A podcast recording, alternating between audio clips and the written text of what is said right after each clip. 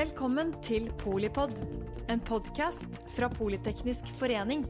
Et kunnskapsbasert medlemsnettverk for bærekraftig teknologi og samfunnsutvikling.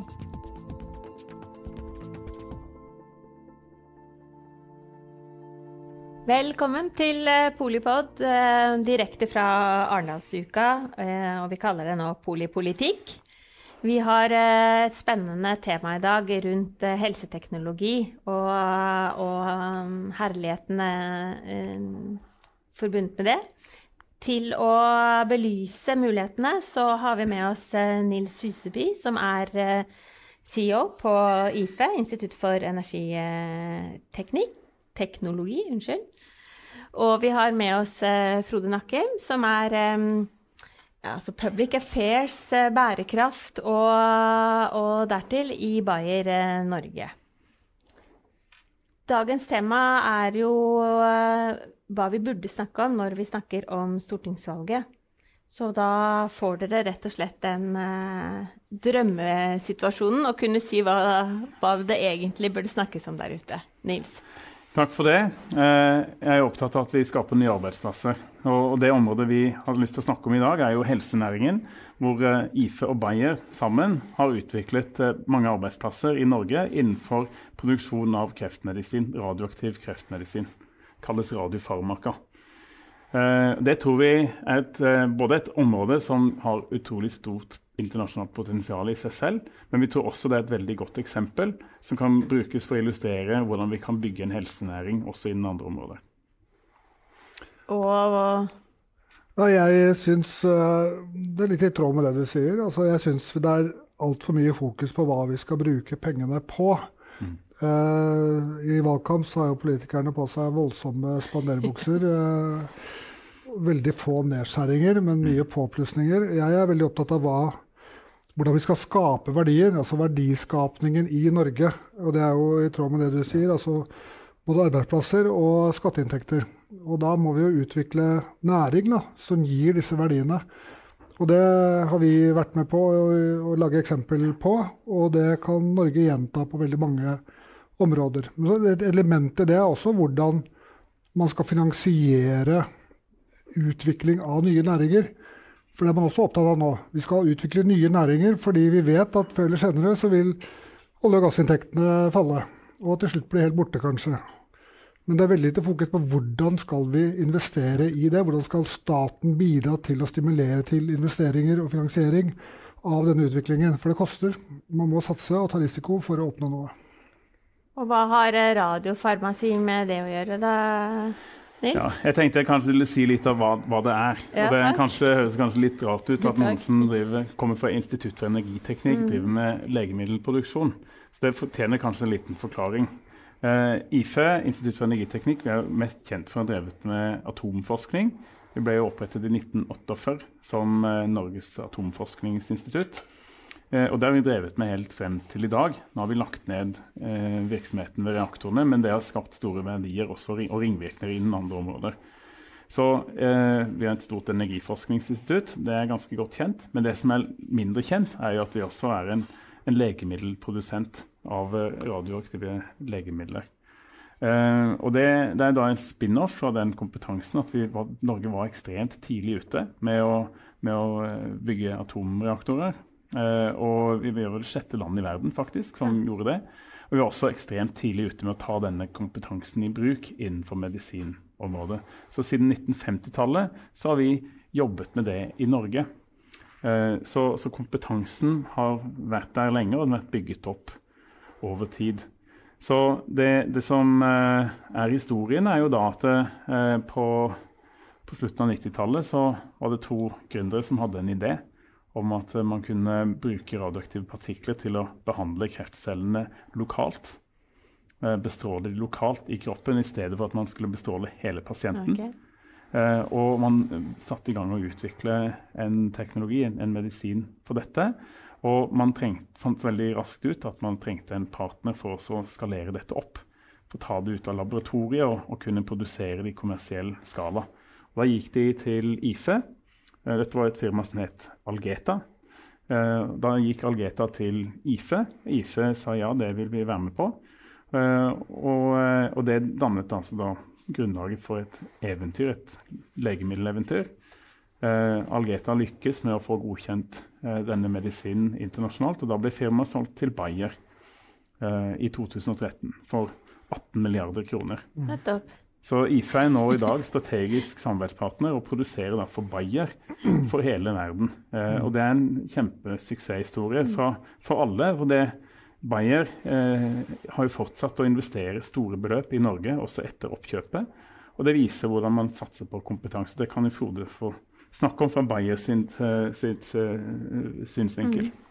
Det høres ut som oppskriften på uh, skalering og etablering av ny virksomhet. Ja, det er faktisk, eh, det er faktisk en oppskrift. Mm. Og til nå så er det jo den eneste eller en av veldig, veldig få store norske suksesser, eh, globale suksesser innenfor eh, helseindustri, eller iallfall legemiddelindustri. Um, som du sa, altså Bayer, Bayer, gikk jo inn da som investor og partner med Algeta allerede i 2009. Var med på uh, utviklingsløpet derfra, men uh, etter godkjenningen da, av dette produktet i 2013, så kjøpte Bayer Algeta i, i konkurranse med andre globale mm. legemiddelselskaper for uh, ca. 18 milliarder kroner. Og da starter jo verdiskapning egentlig i Norge. Mm. Altså et problem, da, en utfordring eh, i norsk eh, helseindustri spesielt, men jeg tror på flere områder, det er at de gode ideene og gode prosjektene blir solgt ut av Norge på et tidligere tidspunkt. Mm. Og Det betyr at ideene, ideene, deler av utviklingen skjer i Norge, men verdiskapningen skjer i et annet land. Nøkkelen her var eh, eller For det første kan jeg si, altså av de 18 milliardene så var det ca. 40% som var eid av norske investorer. Altså 40 av 18 milliarder gikk da til norske investorer. og I stor grad så har de blitt reinvestert i andre norske eh, selskaper innenfor eh, legemiddelindustri eller helsenæring. Og jeg har hørt eh, senest på mange møter i Arendal her i dag at folk forteller at det igjen har generert en strøm av investorer, risikovillige, kompetente investorer i norsk helsenæring, som ikke var der før. Mm. For de ser at her er det mulig.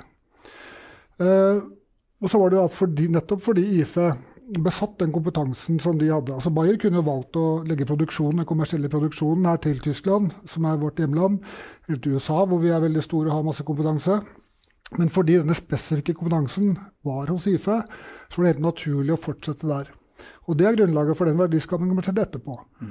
Og da har vi relativt nylig sammen med IFE fått ut, utreda en, en, uh, rapport som Menon har lagd for oss, som viser at de siste åtte årene så er da verdiskapningen per ansatt knytta til dette prosjektet isolert dobbelt så høy omtrent som for norsk helsenæring i gjennomsnitt. Ja. Og det, det er, det, det er Omtrent som i Politeknisk forening. Det har skapt uh, ja, ca. 430 arbeidsplasser. Både hos IFE Bayer og eksterne norske leverandører. Uh, Bayer har også vi har investert ca. 2,5 milliard kroner i forskning og utvikling i Norge som en forlengelse av dette prosjektet. I tillegg til veldig store investeringer hos IFE som produksjonssted. Så dette genererer en verdiskapning som bare løper og løper. Og hvis Norge, når Norge da har skapt ett sånt tilfelle med Bayer og Algeta og IFE, og det kan vi gjenta og skape mange av Tenk om vi kan skape 20 eller 50 mm. sånne. Men det krever at det legges til rette for det. Nå var vel Litt tilfeldig, litt uh, flaks, kan vi kalle det, og uh, godt uh, nettverk som gjorde at Bayer kom inn i Algeta og utvikla det prosjektet videre. men det er mange gode prosjekter, spe spesielt innenfor mm. radiofarmasi, men også andre områder innenfor legemidler, som har muligheten til å oppnå det samme. Men dere hadde jo ikke gjort det på, eh, på Kjeller, for å si det sånn, hvis ikke Det må jo ha vært noe med IFI, da. Som, ja, hva er det som er eh, ja, kompetansen? Jeg, jeg tror det, det, vi, eh, det, vi, ser nå, er jo at det, det at vi har etablert produkt, denne produksjonen av dette legemiddelet som heter Sofigo, det er jo, som Bode sier, det er åpnet døren. Eh, og det har åpnet døren til, både til radiofarmasi som, produ, som produkttype, og til eh, investormarkedet. Mm. Så vi, vi, ser jo eh, på internasjonale markedsrapporter som vi har, for, for, har um, bestilt, så ser vi at eh, man forventer at dette markedet vil øke enormt i årene som kommer. Eh, markedet internasjonalt var på ca. 5 milliarder dollar i 2018 totalt. Eh, og forventes å øke til 30 milliarder dollar i, i løpet av de neste tiårene, altså innen 2030. Så det, det er en, en, en, økning som er veldig bratt. Og, man, og økningen er drevet av at man ser stadig nye bruksområder. Mens tidligere så ble radiofarmaka typisk brukt for, uh, for diagnostikk. Sant? kontrastvæske, den type ting. Mens det vi nå ser, er at det brukes i stadig større grad til behandling, til terapi. Og det har åpnet døren for en hel rekke nye anvendelsesområder. Og Da gjelder det å kjenne sin besøkelsestid da, og så være tidlig ute og etablere dette. For det, det toget går. Så spørsmålet er jo om, om, Norge ønsker å være med på det, og, eller om vi skal la andre ta det. Så jeg tror at det, det er utrolig viktig at vi tør å prioritere og, og, og tør å peke ut noen satsingsområder og si at her har vi et fortrinn. Og, og, og, her vil vi satse. Og radiofarmasi er et sånt område, fordi vi har holdt på med dette siden 50-tallet. Vi har jo et stort cluster, kompetansekløster i, i, Norge sentrert rundt Oslo-regionen, hvor du har Oslo Cancer Cluster, du har Universitetet i Oslo, du har Oslo universitetssykehus, du har Radforsk, du har Bayer, du har IFE, og du har nå også en rekke nye eh, selskaper som har etablert seg der. Og det vi opplever nå på IFE, er jo at alle disse kommer og, og, og ønsker å uh, skalere opp sin produksjon. Så vi jobber på spreng med å utvide våre uh, lokaler og fasiliteter for å kunne tilby det. Og vi investerer ganske store beløp nå uh, i, i, dette. Vi, I løpet av de siste tre årene har vi investert over 80 millioner kroner i å utvide laboratoriet for å kunne ta inn flere kunder. Eh, er det både lab og produksjon? Ja det, det, ja, det, er både lab. Så det kundene det er opp, uh, opptatt av, det er tre ting. Det er produksjonslokaler, mm. det er infrastruktur og det er kompetanse. Mm. Og alle de tingene har vi her, uh, og evner å sette det i system. Og da kan vi få til å skape en næring. Mm. Det, er det resonans hos uh på politisk side? Frode, du var litt uh, Politikerne Nå har vi jo hatt uh, Iselin Nybø da, uh, på besøk nå forrige uke. og vi har hatt tidligere næringsminister på besøk, vi har hatt Bent Høie på besøk et par ganger. Vi har hatt NHOs toppsjef på besøk. altså det har vært, de, de er, i, i, Toppene i norsk næringsliv og helsepolitikk er blitt godt kjent med historien vår. Og de setter jo stor pris på den, og de er veldig fascinert når de har vært og besøkt både vår 1000 kvadratmeter store lab i Oslo og eh, produksjonslokalene på IFE. Men om det virkelig synker inn hva som skal til for å gjenta dette For én ting er at vi har klart å gjøre det én gang, og det var si, i stor grad uten myndighetenes eh, hjelp. Men hvis Norge ønsker da, seriøst å utvikle en helseindustri i Norge, altså Man viser til Sverige og Danmark. Altså, mm. jo, I Danmark er jo Novo Nordisk er jo verdt to og en halv ganger så mye som Equinor, tror jeg, mm. på, på, børsen. Eh, AstraZeneca i Sverige, som er en gigantisk virksomhet. Vi kommer aldri til å nå dit, men helseindustri kan bli en stor eh, bærebjelke i norsk økonomi hvis vi er villige til å satse. Men da må vi satse. Vi må definere hvilken nisje vi skal satse på, og så må vi satse ordentlig. Altså der er radiofarmaka da, et veldig godt utgangspunkt. Bayer er definert som et center of excellence for radiofarmaka i hele Bayer-konsernet. Bayer er jo da et gigantisk konsern. Vi, i, vi, har 100 000 ansatte, vi er i 85 mm. land. Vi bruker uh, ca. 50 milliarder kroner hvert år på forskning og utvikling bare i vårt selskap. Det sier noe om dimensjonen. Uh, men den satsingen vi gjør, den forskningen og produksjonen vi gjør i Norge, mm. den er helt sentral i Bayers onkologisatsing. Det, og den har oppstått pga. Algeta, pga. IFE. Vi kan gjenta det, hvis, men da må myndighetene tror jeg, proaktivt bidra til å invitere store selskaper inn til Norge for å samarbeide med alle disse gode nye gründerselskapene, startupsene, som vokser i Norge nå. Flere av de samarbeider med mm. IFE. Radiofarmaka er én nisje. Vi kan ha flere nisjer eh, innenfor kreft eller innenfor andre legemidler. Men det krever eh, mot, og det krever en definert vilje, og det krever en god handlingsplan. Har dere vært for flinke, rett og slett, til at det, det, man ikke oppfatter at det er noe problem å liksom gjøre det igjen? Du kan aldri bli for flink. Det tror jeg ikke det går an. Men jeg tror at vi har vært flinke. Og, og jeg, tror, jeg, er veldig stolt av den jobben som, ja. som er gjort. Jeg syns det er en fabelaktig historie eh, som har alle ingrediensene i seg som, som måtte illustrere hva som skal til da, for å lykkes. Og det er jo det er kompetanse og infrastruktur eh, satt i system, mm. og det er en, en, global aktør som kommer inn og, og, og, fortsetter å investere, bygger videre på kompetanse, men bidrar med et internasjonalt distribusjonsnettverk og ytterligere kompetanse. Vi blir jo også, som uh, utviklings- og produksjonsbedrift, vi blir jo også uh, skjerpet mm. av å jobbe for krevende kunder. Mm. Så det tror jeg er en veldig, veldig sunn måte å, å jobbe på. Men jeg, jeg tenker det, det, det, jeg har lyst til å trekke en, en, parallell til oljeindustrien. Det er litt mer velkjent her hjemme. Og det er slik at du skal, du, Når du leter etter olje, så må du bore en eh, letebrønn. Det er en investering på ca. 2 milliarder kroner eh, eh, der omkring. Og du vet ikke før du har boret den, før om du, om du har funnet olje eller, eller om brønnen er tørr. Så det er et risikoprosjekt. Og det er kun store selskaper med dype lommer som kan gjøre det.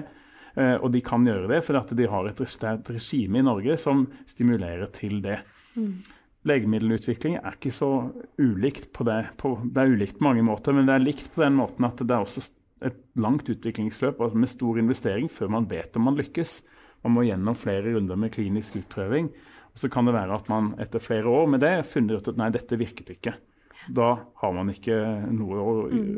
Så, så det å ha et regime som som stimulerer til at aktører kan gjøre det eh, i Norge. Det vil være veldig viktig. Og, og det å også senke terskelen, senke risikoen ved at man kan til, ha, ha type katapult eh, som risikoavlaster, og som kan bidra til å eh, skalere opp. At man ikke trenger å investere i hele den eh, produksjonskapasiteten ut og utviklingskapasiteten selv der eh, det er viktig, vil kunne skape et viktig konkurransefortrinn. Vi har jo noen eh, katapulter. Vi, vi, har jo liksom eksempler på i Norge da, på næringer eller teknologier vi har eh, om ikke plukket, så i hvert fall eh, fokusert en innsats eh, ja. Og Det er det samme vi sier når det gjelder helsenæring. Vi kan også lykkes der. Vi har lykkes innen radiofarmasi. Nå står mm. det eh, foran et, et kjempe forventet kjempevekst. Og da er vi nødt til å gjøre enda mer for å lykkes eh, virkelig med å ta vår posisjon i det. Og Der fungerte jo IFE som en katapult for Algeta, ikke sant? Mm. hvor det var eh, naturlig for eh, Algeta å gå til IFE, både for å samarbeide om utviklingen av produktet, men også da om prøveproduksjon f.eks., som, mm. som forsterka kompetansen, utvida kompetansen til å gjøre at IFE da var klare når produktet skulle i kommersiell produksjon.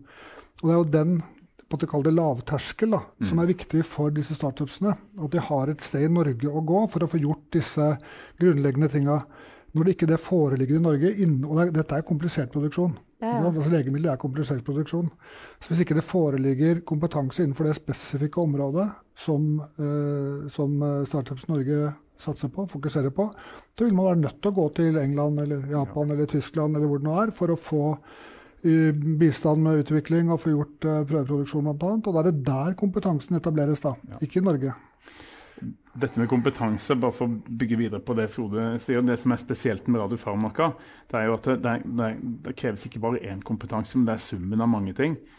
Fordi at det, det er et lege, det er legemidler, så det, det, er jo ekstreme krav, renhetskrav. Det skal mm. inn i kroppen. Det skal sertifiseres og være rent.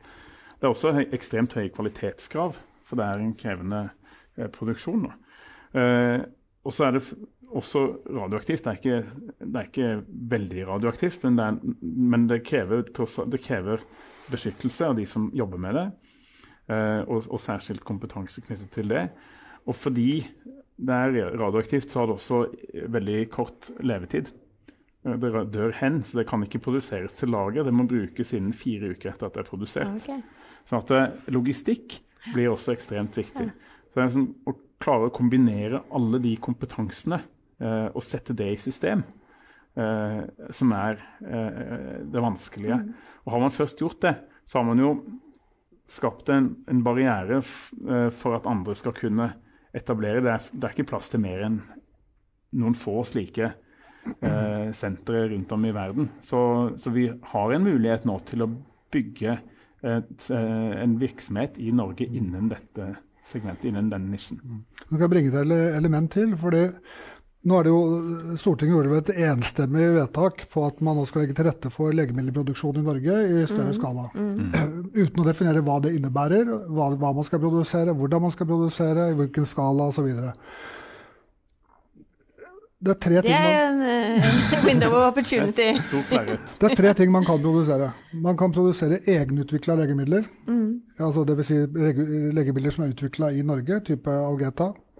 Man kan produsere på lisens fra eh, selskaper som har fått godkjenning på et legemiddel.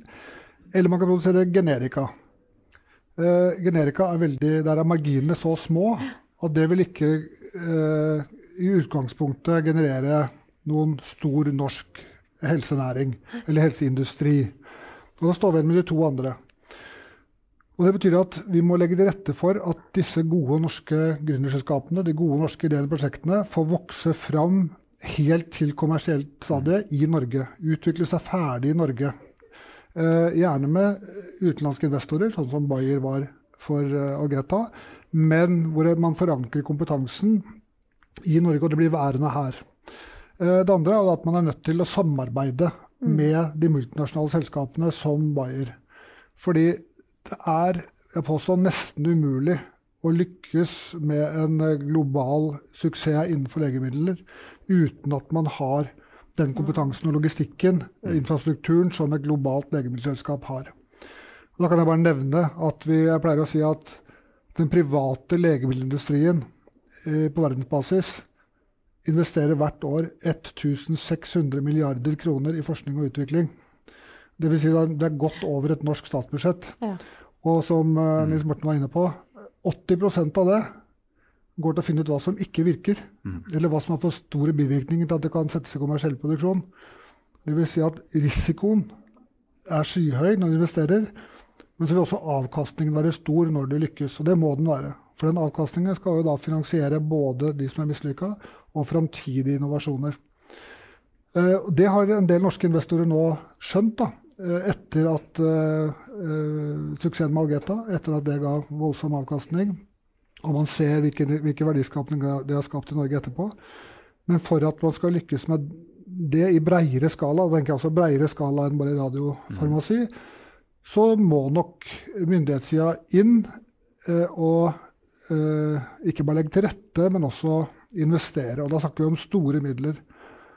Og da syns jeg det er litt sånn artig at oljefondet eier jo har, Oljefondet har investert ca. 20 milliarder kroner i hvert av de store legemiddelselskapene i verden.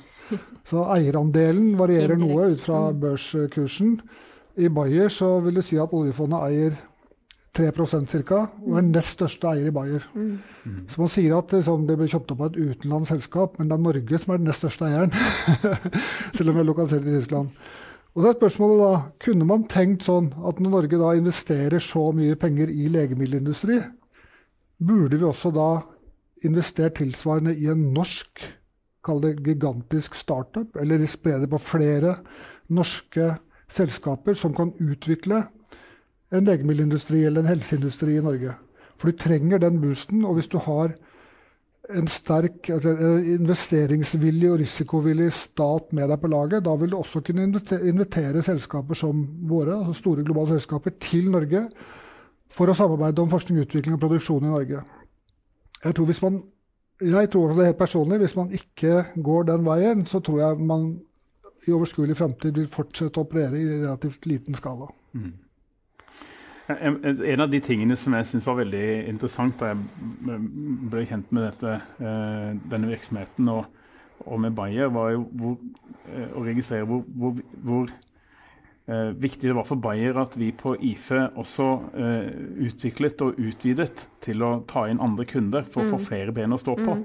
Så, så, det, så, så, Bayer har hele tiden oppmuntret oss til å gjøre det for å få et bredere nedslagsfelt, bygge kompetanse, få, få, eh, få flere kunder, få et økosystem rundt. Det syns jeg er et veldig godt eksempel på, på hvordan, hvordan, vi må tenke. Så vi må, vi må tenke økosystem hvor vi har store internasjonale aktører, men da vil det også være plass til eh, nasjonale aktører. Og nøkkelen til det hele er produksjon. Får man produksjon, så er det som et anker. Uh, nå er vi i Arendal, og det er maritimt, så et anker er et godt, kort, kort uh, bilde på det. Da, da, kommer veldig mye annet rundt. Uh, det skaper ringvirkninger knyttet til både forskning og utvikling og annen virksomhet, underleverandører og den type ting. Det slår meg jo egentlig at IFE er som et lite Norge, da, i så måte. I den eh, transformasjonen og, og bruke kompetansen sin på nye, ja. eh, nye næringer. Vi er veldig opptatt av det, eh, ja. både innen rådefarmasi og også innen energiområdet, selvfølgelig. Mm. Eh, at, vi, at, vi, må bidra til at de gode selvfølgelig får frem de gode ideene, men vi må også bidra til å skape verdi, verdier og arbeidsplasser mm. fra ideene, så setter det ut i livet. Uh, og både på legemiddelområdet uh, og, og, i energiområdet så konkurrerer jo Norge internasjonalt. Dette er internasjonalt, internasjonalt løp, og det handler om å være best og det handler om å være raskest til å etablere dette i konkurranse med internasjonale aktører. Og hvor kan vi være, da? Eh, hvis nå forholdene legges til rette, da?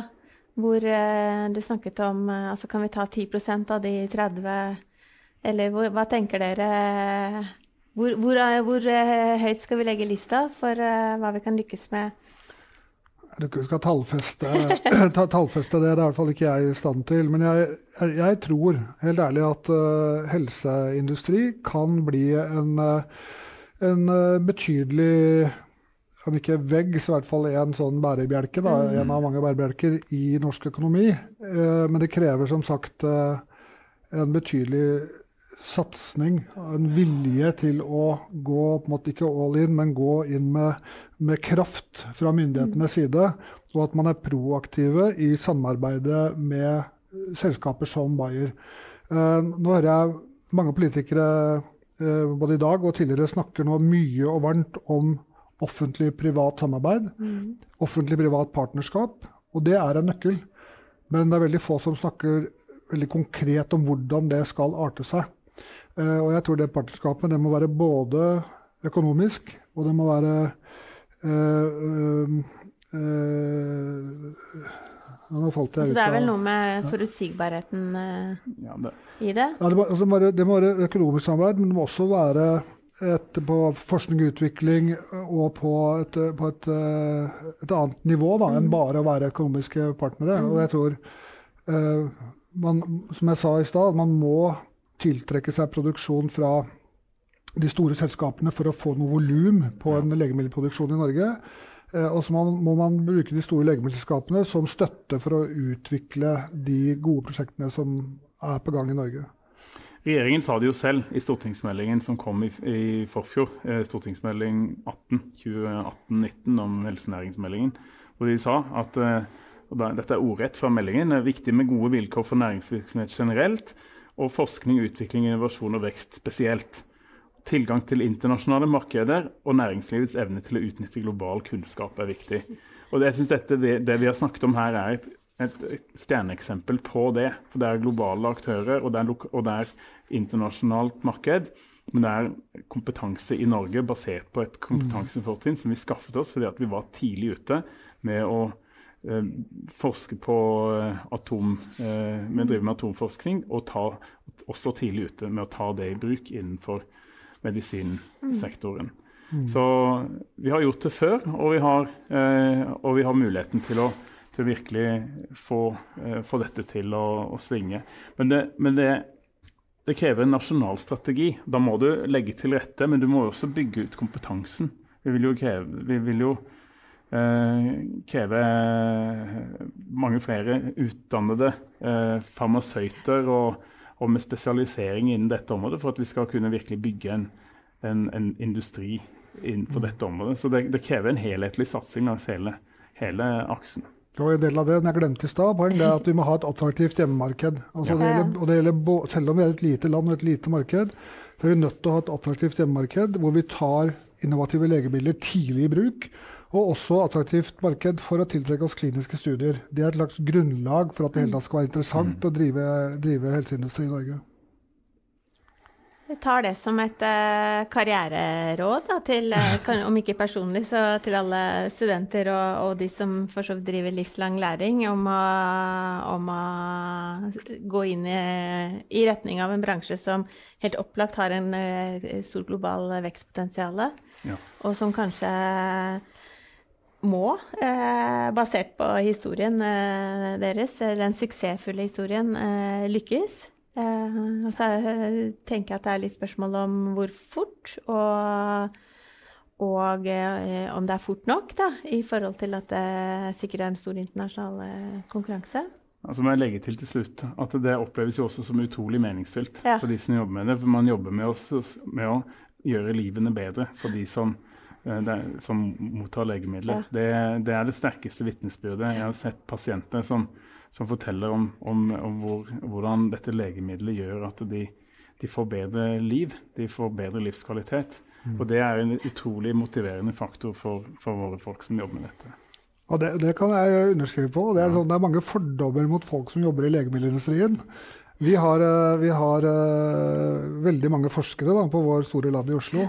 Og jeg kan love at de som står der og forsker på kreftmedisinlaben vår, de er akkurat like dedikerte til å gjøre livet bedre for pasienter som sykepleiere og leger er. Ja, det vil jeg tro. Det er, jo et, det er vi alle veldig takknemlige for. Det var veldig interessant å høre litt mer, få litt mer kjøtt på beina om hva dere egentlig gjør. Det er jo, det er jo en fare når det, dere har lykkes så til de grader med det at man tar det litt for gitt. Så det var interessant. Og jeg skal ikke si at jeg kan gjenta hvordan egentlig radiofarmasi fungerer. Men nå har jeg i hvert fall pirret nysgjerrigheten, og det håper jeg lytterne og seerne også har, har fått. Jeg takker Nils Huseby, CEO på IFE, Institutt for energiteknikk. Frode Nakim. Um, Kall meg kommunikasjonssjef. Kommunikasjonssjef, det er, er mye bedre. I, men også bærekraftssjef i Bayer uh, Norge. Takk for invitasjonen. Takk for invitasjonen. Takk for at du lyttet til Polipod fra Politeknisk forening. Få med deg flere episoder, eller bli med på nettverksmøtene som du finner på at polyteknisk.